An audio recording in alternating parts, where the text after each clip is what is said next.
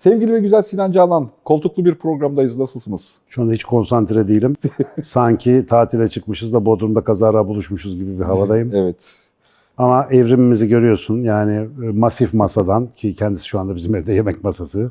Arkasında tahta masa. Tahta masa. Arada bir en son kanepe. mermer masa kullandık aşağıda. Bundan sonrası su yatağı. Allah sonumuzu hayretsin. Aramızda Bakalım. kırlentler falan bir süre sonra yastık savaşı Evet, olacak. evet. Kırlent, kırlent çok güzel. Kırlentin anlamını 35 yaşımda öğrendim. Kırlenti çok sofistike bir şey zannederken bildiğin somya yastığı çıkınca çok bozulmuştum. Öyleymiş. Güzelmiş. Ama gerçekten bu arada bedenle biliş diye bir şey var onu söyleyeyim. Masada biz bayağı bir ciddi her an dalacakmış gibi oturuyorduk. Şimdi burada böyle yaydık. Konu nereye gider hiç bilmiyorum. Disclaimer geçelim. Yani artı 18 olmaz muhtemelen ama yine de biraz gevşek bir muhabbet olacağını öngörüyorum. Benim gerçekten merak ettiğim ya da üzerine azıcık sohbet etmek istediğim bir konu. Yani hani zihnimde bir şeyleri düşünürken, araştırırken de azıcık bunun sohbetini yapsak diye kafamdan geçirdiğim konulardan bir tanesi. Biz evrimle ilgili konuşuyorken evrimi işte sadece biyolojiyle ilgili bir şey zannediyoruz ya ana çatışmayı hep öyle biçimlendiriyoruz. Halbuki bunun sosyal yanı, kültürel yanı, duygusal yanı, zihinsel yanı, bilgisel yanı diye hani birçok kavramla beraber bunların üzerinden evrimi de konuşabileceğimiz bir süreci var. Duygulardaki evrim en az konuştuğumuz şeylerden bir tanesi. Abi evrimi hiçbir yerde doğru düz konuşmuyoruz ki. Benim niye dilimde tüy En azından biz konuşuyoruz. Ha, Yani biz konuşuyoruz da ha, yani yani duygular zaten zurnanın son deliği gibi normal hayatımızda. Kimse Evet. zaten onun üstüne düşmüyor. Evet, evet onu yeni konuşmaya Tabii. başladık. Hani duygunun Tabii. kendisini de yeni konuşmaya başlıyorsun. Yeni yeni normalleşiyor. Hoş e, mezun olan psikolog sayısına bakarsak bir süre sonra yeniden tuhaf bir anormalliğe doğru gidecekmiş gibi E, görünüyor. Duygulardan konuşuyor. Zaten duygu şu anda bizde konuşmamızın sebebi trend olması. Yani şu aralarda o trend. Evet. Bir de tabii tarifler açısından ya da yaşadığımızı anlama açısından da duygular üzerinden bakıyor olmak çok değerli bir background veriyor. İşimizi kolaylaştırıyor gerçekten de. Duyguyu ne olduğunu, nasıl olduğunu anlamanın bence en sağlıklı, en temel hikayesi yine evrim neden o duyguyu icat etti? Neden o duyguya ihtiyaç duyduğu anlamaktan geliyor bence. Yani gerçekten hani duygularımızın fabrika ayarlarını anlamak yani duygusal anlamda bizim biyolojik varlığımız o duyguya nasıl ihtiyaç duyduğu anlamak işi çok kolaylaştırabilirmiş gibi. Ki 150 sene öncesinden beri zaten Darwin işte insanlarda ve hayvanlarda duygularını ifadeler üzerine falan yazmaya başladığından beri aslında bu konu bayağı hot topic bir konu yani biyolojide. Evet. Ama yani bizim sosyal hayatımıza biyoloji girmiyor işte öyle bir problem var. Ve mesela baştan söyleyeyim bunun ağır bir bedeli var bilmiyorum fark ettin mi? Mesela belli dönemlerde şu anda içinde yaşadığımız dönemde bazı duygular tukaka, bazı hisler olmaması gereken asosyal hisler, hatta ciddi yozluk ya da zontalık işareti olarak kabul ediliyor. Ama bazıları da işte güzel, erdemli, has, tatlış duygular. Öbürlerini hissetmemek gerektiği, bunları hep hissetmek gerektiğine dair zihinsel bir bölünmüşlük yaşıyoruz. E, stereotip hale getiriyoruz duyguyu da. Yani sabit bir şey. Hani o etiket gibi zannediyoruz. Hep öyle olma. Mesela Evet. işte ne bileyim kadın erkek ilişkisinde kıskançlık öküzlüktür diye bir şey kodlamışız mesela yeni dönemde. Ya sen bunun evrimsel kökenini bildiğin zaman vazgeçilmez bir yapısal çip gibi bunun orada olduğunu biliyorsun.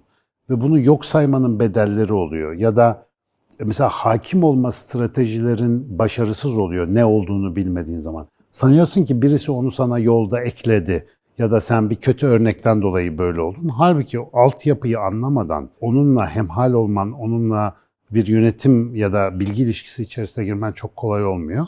Ya ben biyoloji biliyorum da her şeyim tıkır tıkır işliyor mu? Hayır ama odağımı verdiğim şeyi daha makul bir şekilde yönetebilme becerim olduğunu görebiliyorum. Yaparım yapmam ayrı konu En ama beceriyi veriyor. yatkınlığını biliyor oluyoruz. Yani hani tabii. güdüsel olarak biz biyolojik olarak neye yatkınız, neyi talep ediyoruz? Eğitimle bunun hangi kısmını denetlemeli, hangi kısmını da yönetmeliyiz ya da işlevsel olarak kullanmalıyız onu öğreniyoruz. Tabii. Ya başta şunu söyleyeyim hani duyguların evrimiyle ilgili en önemli şeylerden bir tanesi. Bugün mesela en kötü adettiğimiz duygusal reaksiyonları ya da genel olarak duyguları düşünelim. Mesela işte ilişkide kıskançlık, işte böyle faşizmin uç noktalarına göre ırkçılık, ondan sonra Haset böyle etmek. haset etmek, ne bileyim işte öfke, bilmem ne falan gibi şey, ötekileştirme. Ya bütün bunların kötü sonuçları olduğu çok doğru. Fakat evrimsel olarak var olmaları belli koşullar altında işe yaradıkları için. Ya mesela şu anda dünyada işte bir ekonomik kriz dalgası en azından söylencesi herkesi etkiliyor. Otomatik sonucuna bak. Yani bir primat türü olarak biz otoriter yöneticilere daha fazla oy vermeye başladık. Çünkü kaynakları korusun, bizi öncelesin, öbürüne bir kış kış yapsın istiyoruz. Çünkü saçacak kadar paramız olmadığını düşünüyoruz ya da bunu deneyimliyoruz. Şimdi kaynakların kıt olduğu bir dönemde demek ki böyle bir adaptasyon işe yarayan bir adaptasyon olabilir. Ama yani eğer bunu bilmiyorsan ulan bu insanda Allah belasını versin ne kadar faşistmişiz, hiçbir şey öğrenmemişiz falan filan gibi davranabiliyoruz. Kökenini anladığında daha makul yaklaşacaksın. Bu arada yeri gelmişken o şeyi de vereyim. Hani alt notu da geçeyim. Ne zaman ben Twitter'da orada burada primat desem insanlar ne hakaret ediyorsun moduna geçiyorlar. Primat hakaret değil, bizim içine ait olduğumuz canlı grubun adıdır. Yani biz bir primatız sonuçta. Ama üzerine kat çıkmışız yani. Şey imar affıyla yeni katlar çıkmışız. İnsan yapan bize o katlar ama alt taraf yani giriş katı, temel ve e, işte ne diyeyim giriş üstü bölümü tamamen primat. Üst katlar çok havalı gözüküyor ama aşağı taraftan haberin olmazsa giriş çıkışta problem var yani. Oraya erişmekte zorlanıyorsun. Orayı anlamak Bunun lazım. hepsi yaşamın politik olduğunu da anlayamamakla alakalı. Yaşamda tüm davranışlar politik. Modern dediğimiz, anlamlı dediğimiz, gelecek dediğimiz, iyi dediğimiz şeyler de politik seçkiler. Tabii. Eski dediğimiz, köhne dediğimiz, işte kült dediğimiz, e, değiştirmemiz gerektiğini söylediğimiz şeyler de birer politik seçkiler. Şimdi biz politik seçkiler arasında hareket ederken bu bundan daha iyi diye seçki yaparken bir politik seçkiye bu bundan daha iyi Tabii. diyoruz. Bugünün koşullarından bakıyoruz. kendi Halbuki bunların bakıyoruz. tümünün üzerinde bilimsel anlamda bakabileceğimiz, genel örüntünün akışını anlamlı bulabileceğimiz başka değer kalıpları var. Konuştuğumuz şey de bu Tabii. yüzden bu yüzden bu sohbetlerimizi yaparken ideolojilerin, tüm lojilerin dışında konuşmak zorunda kalıyoruz. Çünkü bir şey politik olduğunda problemi kendisini kendi politikasının çıkarları için kullanır. Doğası Tabii. böyledir. Tabii. Yatkınlığı böyledir. Onu senin sorunlarını gidermek için, o problemi kendisini halletmek, o bataklığı kurutmak için yapmaz. Yani kendi politikasına uygun amaçlar devam için ettirmek tercih eder. Halbuki bunun üzerine çıkıp da gerçekten bilimsel anlamda ölçebildiğimiz, gözlemleyebildiğimiz, tekrarlarını görebildiğimiz biçimlerden baktığımızda daha anlamlı bir silsile belirleyebiliyoruz. Şimdi duygular biz normal sosyal hayatımızın içinde de Can Canan'ın geçtiğimiz 4 yıl içerisinde de dönüp dolaşıp duygulardan konuşmak zorundayız. Yani Mecbursun zaten. Mecbur kaçamadığımız şeylerden bir tanesi ama duyguları kıskançlık ne kadar kötü bir duygu. Bunu işte güdülerimizde denetlememiz lazım falan. Ve muhtemelen bu konuya güzel örnekler vereceksindir. Denetlediğin her şey bir sonraki aşamada niteliksiz denetlersen pörtleyerek arka tarafta başka şeyler Evet, olarak Bugün karşı- denetlediğin hurmalar biliyorsun yarın neler yapabilir. Şimdi o hurmanın kökenini bilmiyorsan hakikaten tırmalar yani. Mesela bizim evrimsel psikoloji kitaplarında artık böyle giriş bilgisidir yani çok temel. Erkek ve kadınlarda, insan dahil, primatlarda, erkek ve kadınlarda, erkek ve dişilerde kıskanç davranışı farklı. Mesela erkek cinsel sadakatsizliğe çok bozuk çalarken kadınlar duygusal sadakatsizliğe büyük bir kıskançlık tepkisi veriyorlar. Ya şimdi bu Mesela televizyonda izliyorsun işte Kaya Çilingiroğlu Hülya Avşar'ı aldatmış. Hülya Avşar zamanında programa çağırmış. Gençler hatırlamaz o günleri. Bizim evdeki ana konu oydu çünkü bir aralar. Ee, Hülya Avşar diyor ki yani erkektir yapar. Anam bizim kadınlar o zaman daha feminizm küçücük böyle elimize doğdu feminizm ben bilirim onu. O zaman herkes bir oturup Türkiye'de kalkıyor da rahmetli Duygu Asena var ortada falan o dönemler. Böyle millet bir coştu ya bu nasıl bir laf? Şimdi ben de şaşırdım tabii yani kadıncağız nasıl gözüne baka baka televizyonda milyonların önünde böyle bir şey söyleyebiliyor. İleride mesela duyguların evrimini okuduğunda çok net bir şey görüyorsun. Erkek işte şöyle bir şey varsa yani eskiden şöyle bir kabile ya da klan olsun. Hiç kıskançlık yok. Her şey lay lay lom. İşte erkekle kadın birleşti. e, Yaptılar çocuk. Ondan sonra dediler ki dünyayı gezelim. Opsiyon çok fazla. Böyle ikili takılınmaz. Sen git gez biraz. İstediğinle seviş. Ben de takılayım falan. Hepsi güzel. Erkek zaten sperm makinesi gibi saça saça geziyor. Her gittiği yerde bir sürü çocuğu oluyor falan. Fakat problem kendi eşi de sürekli hamile kalıp doğum yapıyor. Atıyorum 8 tane çocuklar oluyor en sonunda fakat adamın emin olamadığı bir şey var. Bunların hangisi bizimki? Şimdi kendi genlerini başarıyla aktarmak bir biyolojik organizmanın ana görevi olduğu için bütün evrimsel hikaye genleri aktarma başarısı yani üreme başarısı artı onu muhafaza etme başarısıyla ilgili. E, desteklemek için arayı pauselayayım. Burada evrensel olarak insanlık, mutluluk ne önemi var ki canım diye bir durum yok. Biyolojik Öyle olarak bir şey yok. var. Yani bir, abi mutluluk falan kimsenin umurunda değil. Orada bir hayatta kalma mücadelesi. Evet. Ve o hayatta kalma mücadelesini bizim daracık bilincimizin çok daha üzerinde karmaşıklığa sahip sorunlar açısından yöneten evrimsel kurallar var. Ve bu kurallar da çok aslında sade kurallara göre işliyor. İşte genlerini aktaracaksın, yani üremede başarılı olacaksın, havalı olacaksın, neyse tavus kuşu gibi kuyruğun olacak. Bir de o genleri koruma konusunda çeşitli modifikasyonlar geliştirmen lazım. Şimdi kıskançlık hiç olmadığında 8-10 çocuğun arasında adamcağızın iki tane çocuğu var ama adam bunu bilmiyor. 8'ini 10'unu hayatta tutmak için sürekli çalışıp çabalayıp avlanıyor, mavlanıyor, buraya bir şey getiriyor. E şimdi bu tamam çok güzel, harika, insancıl bir davranış gibi gözüküyor ama böyle bir gen kombinasyonu çalışmaz. Çünkü onun çocukları da yarın bir gün böyle olacak. Aman kaptır gitsin, yap yapabildiğin kadar karıcığım çocuk diyecek. Hepsini beslemeye çalışacak. Kendi genlerine ekstra avantaj sağlayacak yeteneklerden yoksun. Şimdi bunun yerine kıskanç bir kocayı koy kıskanç bir erkeği. Yani eşinin başka erkeklerle cinsel birlikteliğini sınırlayacak ve kendi çocuklarına sadece yatırım yapacak bir mekanizması olacak. Biyolojik açıdan kesinlikle daha başarılı. Dolayısıyla o genler ve o genlerle aktardığı bu davranış çocuklarında da ortaya çıkacak. Ve bakıyorsun eşeli yürüyen hayvanların büyük bir çoğunluğunda eş savunması diye bir şey var ya. Yanaştırmıyor bir erkeği mesela. Hırgür bu işte kıskançlığın oradaki versiyonu. Şimdi erkekteki cinsel sadakatsizlik hassasiyeti anlaşılır. Dişiye bak, dişinin üremeye yatırımı erkek gibi 15 dakikalık değil. Yani o bir hamile kalıyor. İnsanda işte 9 ay hamilelik, 3 sene çocuk bakımı, 50 sene peşinde koşmalar falan. Yani anne olmak çok başka bir şey. Ömürlük bir yatırım yani. E bu durumda tek başına beceremeyeceği bir şey için erkeği yakın tutması lazım. Erkek gidip başkalarıyla cinsel birliktelik yaşadığında bu çok önemli değil ama gönlünü kaptırdığı zaman, kafası oraya gittiği zaman buraya ilgi gösteremeyecek. Bakım için konsantrasyonunu Tabii. başka yere ayırdığı zaman. Aynen mesela Antik Roma'da falan anlatıyorlar ya kütüphanenin altından işte genel eve şey varmış. Ha, Erkekler orada gidip gidip çok da böyle saygın fahişeler o zaman. Adlarının anıtlar falan dikilmiş. Ee, işte o aristokratların hanımları da sen, sen git bir gez falan filan yapıyorlarmış o dönemde. Şimdi bakıyorsun manyak mı lan bunlar diyorsun nedir? Artı niye mesela fahişeler o kadar statü verir? Tamam onlar da biraz abartmışlar ama Netice itibariyle evrimsel kökenden baktığın zaman oradaki davranış dahi anlaşılır. Benim için yaşanabilir olmaması saçma olduğunu göstermiyor. Bir güdüye dayanıyor ve o güdüyü anladığında Romalı'yı anlamak sana çok şey kazandırmasa da ya da bilmem ne klandaki davranışı bugünkü hayatında şunu fark ediyorsun. Ben mesela işte Berkecan beni asla kıskanmaz diyen bir abla varsa orada. Şimdi Berkecan da kıskanmadığını sanıyorsa e, muhtemelen yanılıyor. Yani yüzde bir ikidir öyle arızalı bir durum vardır. Hakikaten hissetmiyordur öyle bir şey. Ama çoğu insanda evrimsel olarak içten içe onu kemiren bir bastırılması gereken duygusal kaynama oluşur. Özellikle böyle hani serbest ilişki modellerinde bunu çok görüyorsun. Bir süre sonra kıskançlıktan değil ama başka bir konudan feci papaz oluyor insanlar. O biriktirdikleri içsel öfke, yani genler gidiyor hacı bilmem ne. Hiç çocuk yapmasalar bile evrimsel bilginin senin reel olarak ne yaşadığınla ilgisi yok. O tamamen genleri koruma ve arttırmaya yönelik çalışıyor ya arkada. Yani eşine dair bir kıskançlık duygusu insanın defaultunda var ise eğer, bu arada vardır diye net bir iddia da koymayayım ortaya, varsa eğer, bu arka planda sürekli çalıştıkça sende bir işte disonans diyorlar ya bir uyumsuzluk yaratacak.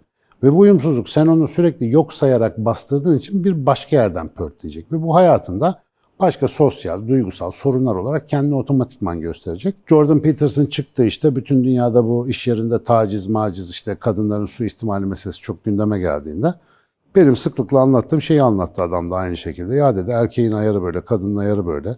İşte topuklu giyince, makyaj yapınca, dekolte olunca erkeğin aklı gidiyor dedi. Yani ben yapmadım dedi erkeğe. Erkeğin sistem böyle. İş yerinde bunları koyarken bunu da dikkate alsanız iyi olur. Abi herifi taşladılar. Yani Mesela her türlü cinsel sinyalin serbest olduğu bir ortamda bunu beklemek zorundasın. Yani böyle uygunsuz sınır aşımları oluşur. Çünkü insan bir primattır. Primatız biz. Ve o kuralları yani evrimsel kökenini bilmiyorsan günlük hayattaki modern konstrüksiyonların çok yakın bir zamanda darmadağın olacak, çalışmayacak. Bu arada çeşitli nedenlerle bunun kadındaki baskısı ayrı ama erkekteki baskısını Ali Koç'la da azıcık sohbet etmiştiniz. Eğitimle kendi güdülerinin üzerinde baskı kurarak kültürünü değiştiren erkekte kendi cinsiyetine sahip olamamak, cinsel kimliğine sahip olamamakla alakalı gerçekten davranışsal başka sorunlara neden oluyor. Tabii. Yani, Abi işte şöyle şimdi mesela ben bu konuşmayı dinleyen bazı arkadaşlar zahmet edip de yorum yazarsa tahmin edebiliyorum mesela.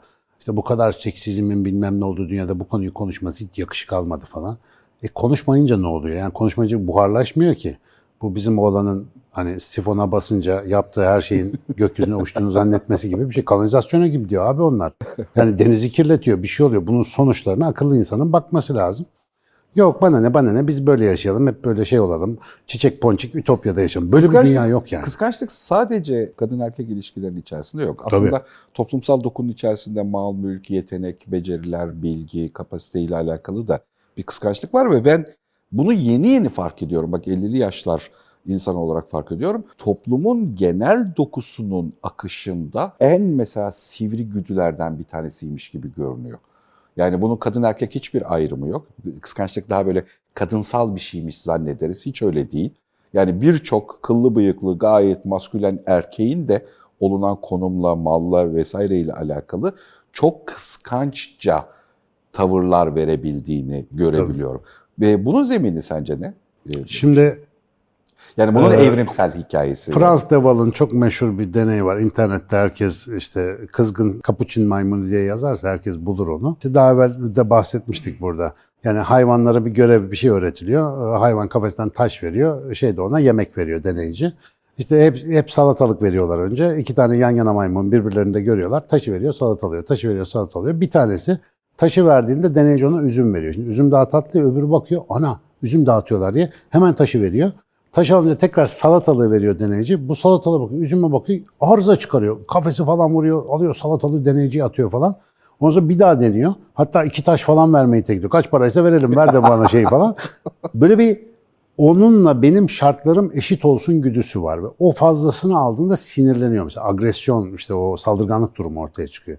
Şimdi bu komik bir anekdot olmanın ötesinde bir anlamı var sistem çoklu bireylerden oluşan sürüler, gruplar halinde çalışıyorsa kendi içerisinde gelir ya da işte kaynak dengesini sağlayacak bir takım mekanizmalara ihtiyacı var. Mesela diyelim biraz gözü doymaz, işte aç gözlü bir alfanın her şeyi kapattığı bir yerde öbürleri açlıktan ölürdü. Ya da güçlü olanın hep aldığı bir yerde zayıf olanlar paramparça olurdu giderdi. Dolayısıyla bu sosyal döngüyü ya da dengeyi korumak, geliri, kaynağı, nasiplenmesi az olanın fazla olanı görüp harekete geçmesini gerektirecek bir duyguya ihtiyaç gösteriyor. Mesela kıskançlık, yani bundan iyi mekanizma bulamazsın. Niye bende üzüm yok dediği zaman üzümü elde etmek için harekete geçiyor. Ve bu bir süre sonra hepsini üzüm yiyenler haline getiriyor.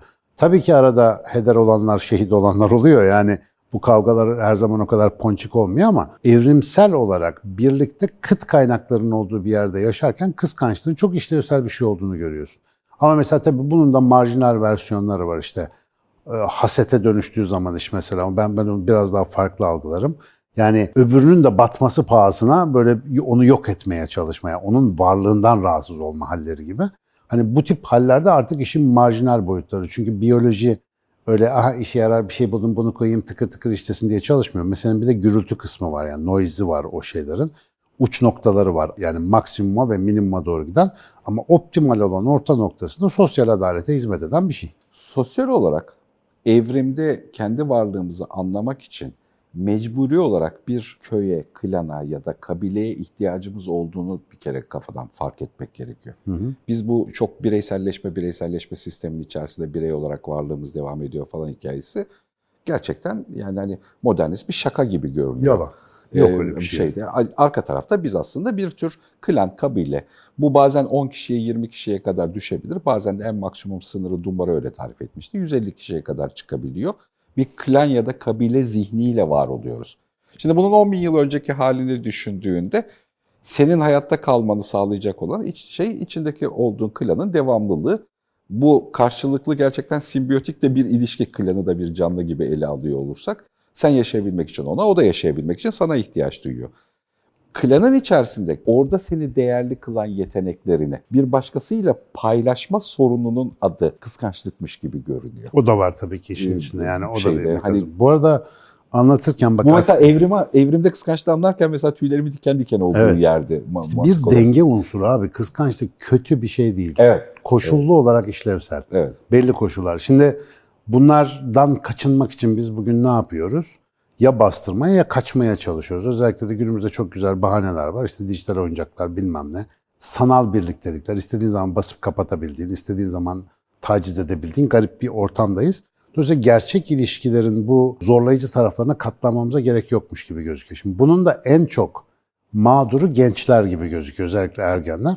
Bak daha yeni bir ergen kampı bitirdik biz. İşte 14-17 yaş grubu vardı. Abi kampa ilk geldikleri gün bizim bütün ekip pişman oldu. Abi bir daha ergenlerle kamp yapmayalım diye. Çünkü bir geldiler.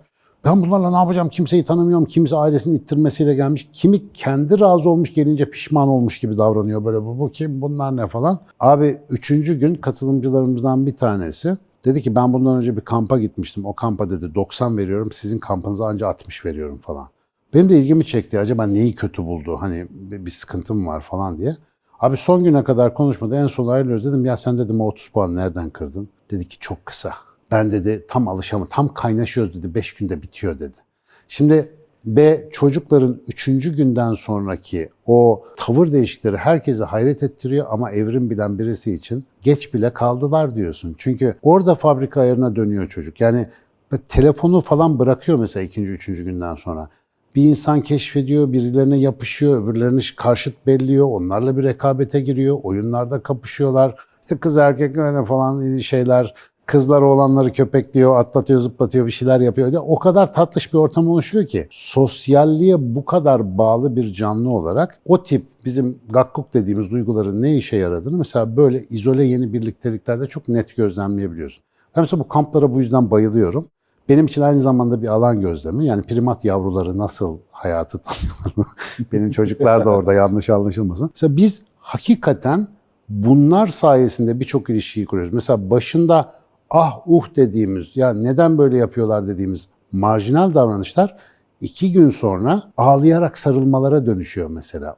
Onu oradan öğrenerek getiriyoruz biz sosyal birlikteliği. Ama işte şimdiki yani güncel sosyal hayatımız saçma sapan yapıştırma kurgularla e, tasarlandığı için bunların kökenini merak etmiyoruz. Kökenini merak edip varlığını reddediyoruz yani. Böyle e, şiddetli duygulananlarımız olamaz. Biz hep ponçik ponçik hissetmeliyiz. Devamlı e, fraklarla, papyonlarla gezmeliyiz gibi durum. Öyle bir dünya yok yani. Tekrar kıskançlığın yeriyle alakalı dönersek mesela şöyle bir çatışmada yaşıyoruz bu bağ toplumu, ağ toplumu hikayesinde.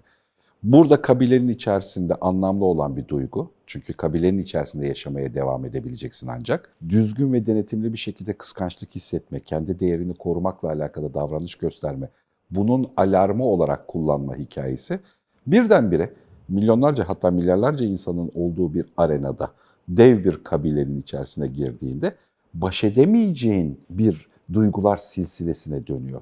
Hayattaki gördüğün ya da gözlemleyebileceğin büyük bir kentin içerisindeysen, İstanbul'daysak 15 milyonluk insanın içerisinde kıskanma dürtüsünü denetlemezsen eğer kıskanılacak o kadar çok şey ve değer var ki. O yüzden kendi kavramlarında ve ürettiğin değerler açısından seni dünyada bireysel olarak anlamlı kılacak değerlere düzgün sahiplenmeye ihtiyaç oluyor.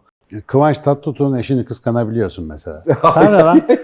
Ne bulmuş bu kızda falan? Ben daha güzelim. Ne yani senin ben mesela bunun sağlıklı halini şöyle görüyorum. Bizim Beyza anamorfoz konusunu kıskanıyor mesela. hani bir başkası anamorfoz konusuyla ilgilendiğinde Tabii. bayağı kızıyor mesela Tabii. yani o konuyla alakalı. Ne o benim konum Benim falan. konum o. Yani o konuyla ilgili bir şey konuşulacaksa ben ben konuşurum ya da işte ben bu konuda. Mesela bunu sağlıklı Çok buluyorum. Bak benden de böyle bir şey beklendiğini seneler önce fark etmiştim. Birisiyle ilgili bana geldiler dedi ki ya hocam adam beyin anlatıyor. Ne var yani? Beyni ben yapmadım ki evde. O da anlatabilir. Benim onun beyin anlatmasını kıskanmamı bekliyor mesela. Evet. Ya olur mu oğlum aynı kitapları okuyoruz o da anlatsın ben de anlatıyorum falan. Olur mu hocam beyin sen anlatıyorsun. Bu da çıkmış beyin anlatıyor falan. o dalak anlatsın olur mu öyle şey falan gibi garip bir algımız var. Ama yani işte bu duygulanımların tamamının bir kökeni var ve nedeni var.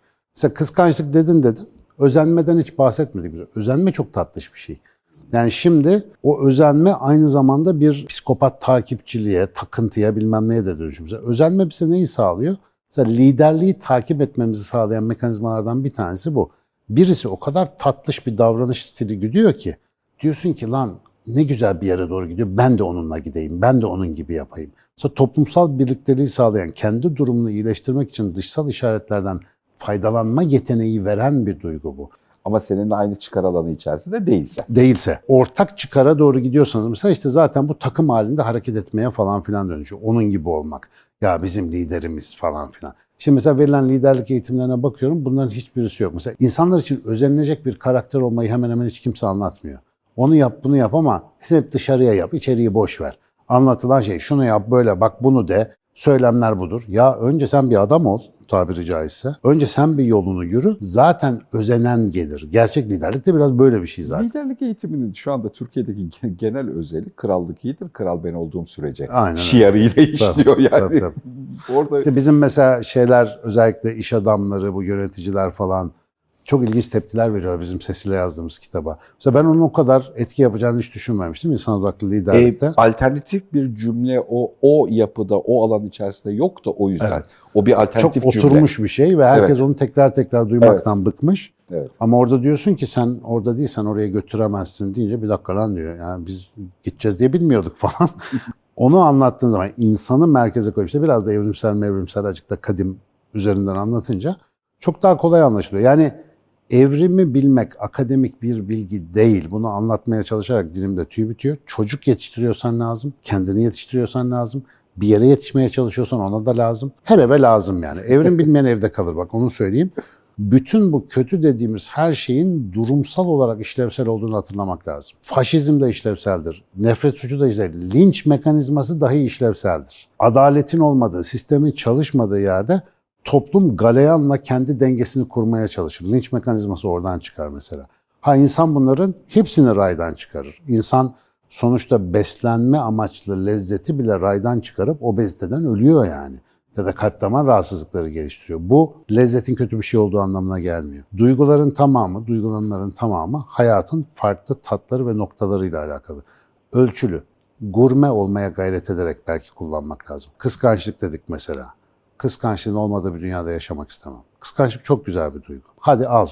Şimdi feminist ablaların direkt kapatmasını sağlayacak cümleyi söyleyeyim. Elektrik tasarrufu için ediyorum bu cümleyi. Kadınların çoğu kıskanç erkekleri seviyor. Seviyor yani. Araştırmalar da bunu gösteriyor. Kıskanıldığı zaman kadın sevildiğini hissediyor. Mesela bunu istiyor, arzuluyor. Ama kıskançlık var, kıskançlık var. Yani Himmet Ağa gibi kıskanmayacaksın yani. Biraz daha böyle, mesela daha ne bileyim şüphelendiğinde melankolik olan daha tatlış kıskançlık var. Bir de höt oraya bakma buraya bakma tipi bir kıskançlık var. O aradaki tatlış noktada artık kişinin irfanına kalmış. Ama evrimsel olarak böyle bir şeyin varlığını en güzel gösteren taraf yaygın olarak kadınların kıskanılma arzusu. Mesela birçok kozmetik sektörü buraya çalışıyor aslında. Ya özünde şöyle diyormuşsun gibi geliyor bana. Yani yaşam politiğiyle alakalı var edilen, işte modernist diye tarif edilen politik arenalarla ilgili tanımlar koyma. Şimdiki zamanda olduğun yerde karşıdaki insana bak, hissettiğin duyguyla öyle dengele. Abi duygu farkındalığında ne anlatıyoruz biz? Duygularını fark et de iyi kötü diye etiket koyma. Değil mi? Düşüncelerini izle ama iyi kötü diye etiketleme. Etiketlemeden izlersen kendini daha iyi anlayacaksın. Şimdi sosyal hayatta da iğrenç adamlar böyle yapıyor. La bir dur. İğrenç değil o. Onun işlevsel olduğu bir yer vardı. Sadece yeri hatalı olabilir. Ya da o davranışın ortaya çıkması işte bugün otoriter liderleri desteklemenin ekonomik krizle olan alakası gibi sana durumla ilgili bir şey söylüyor. Dünya insanları manyaklaşmıyor. Kaynaklar kısıtlanıyor. Kaynaklar kısıtlanınca fabrika ayarına göre kitleler bu tarafa dönüyor. Sen entelektüel mahfillerde, önce can sonra cananda bilmem nerede YouTube'da artist artist konuş. Kitleler evrimsel hareket ederler. Ve onu anlamadığınız, ha bu arada şunu da hemen altını çizeyim. Kitlesel evrimsel hareket eder ama bizim sosyal kurallarımız evrimi anlamayı çok karmaşık hale getirir. Çünkü insan bir de bunun üzerine kültürel evrimi koyuyor. Kültürel evrim beni de aşan bir konu. Yani orada hakikaten kafaları birleştirip konuşmak lazım ama biyolojik evrimi anlamadıysan kültürel evrim boşa çaba yani. İnsanların hangi ortak travmalar, hangi ortak hikayeler, örüntüler ve olaylar geçmişinden etkilendiğini bulursak kültürel evrimi de Tabii. anlayabiliyoruz. Mesela kültürel evrimi en güzel Deniz Ülke Hoca anlatıyor. Evet. Mesela seçilmiş travmalar, seçilmiş zaferler var ya. Evet. Yani mesela şimdi burada Ayasofya diyorsun. 3-4 farklı grup 3-4 farklı hikaye anlıyor. Yani bir grubu Ayasofya hu, öbür grubu ee, bir gruba göre ne falan. Yani tepkilerimiz böyle. Onu konumlandırdığın yer dünyaya dair tepki ve duygulanımlarını belirliyor. İşte o yüzden hikaye bağımlılığı var. Yani Evet. kültürde hikayeler üzerinden değişiyor. Belki de bu konunun şöyle bir uzmanlarıyla can canında deşilmesi gerekebilir. Çünkü ben orada yetersizim mesela. Ee, Bilmiyorum. çok da eğlenceli olabilir ama şu evrimin içerisinde duyguların nasıl oluştuğu, yer aldığı konusu bence çok gebe bir konu. Bunu hadi duyguların evrimi kıskançlık diyelim. Eğer bize yorum olarak da aşağıda başka duyguları yani hissettikleri evrimsel anlamda hangi güdüyle oluştuğunu merak ettikleri duygu varsa biz de ona ödev yapıp gelelim. Rekabet, sohbet hases, kıskançlık diğer haricinde. kamlık bilmem ne yardırın aşağı bir hakikaten ona duygu listesi yapmak lazım. O abi bir senelik can canan doldururuz. doldururuz Vallahi malzeme şey var. yaparsa. Bunun üzerine düşünmek de eğlenceli çünkü. Yani o duygu evrimsel olarak nasıl oluşmuş acaba ya arka tarafta. Ama en bakmak. önemlisi kanepe iyiymiş abi. Kanepe güzel. Vallahi. Evet. Bilmiyorum yorumlara yazın. Masa mı kanepe mi? Az sonra. Hocam teşekkür ederim. Ben teşekkür ederim.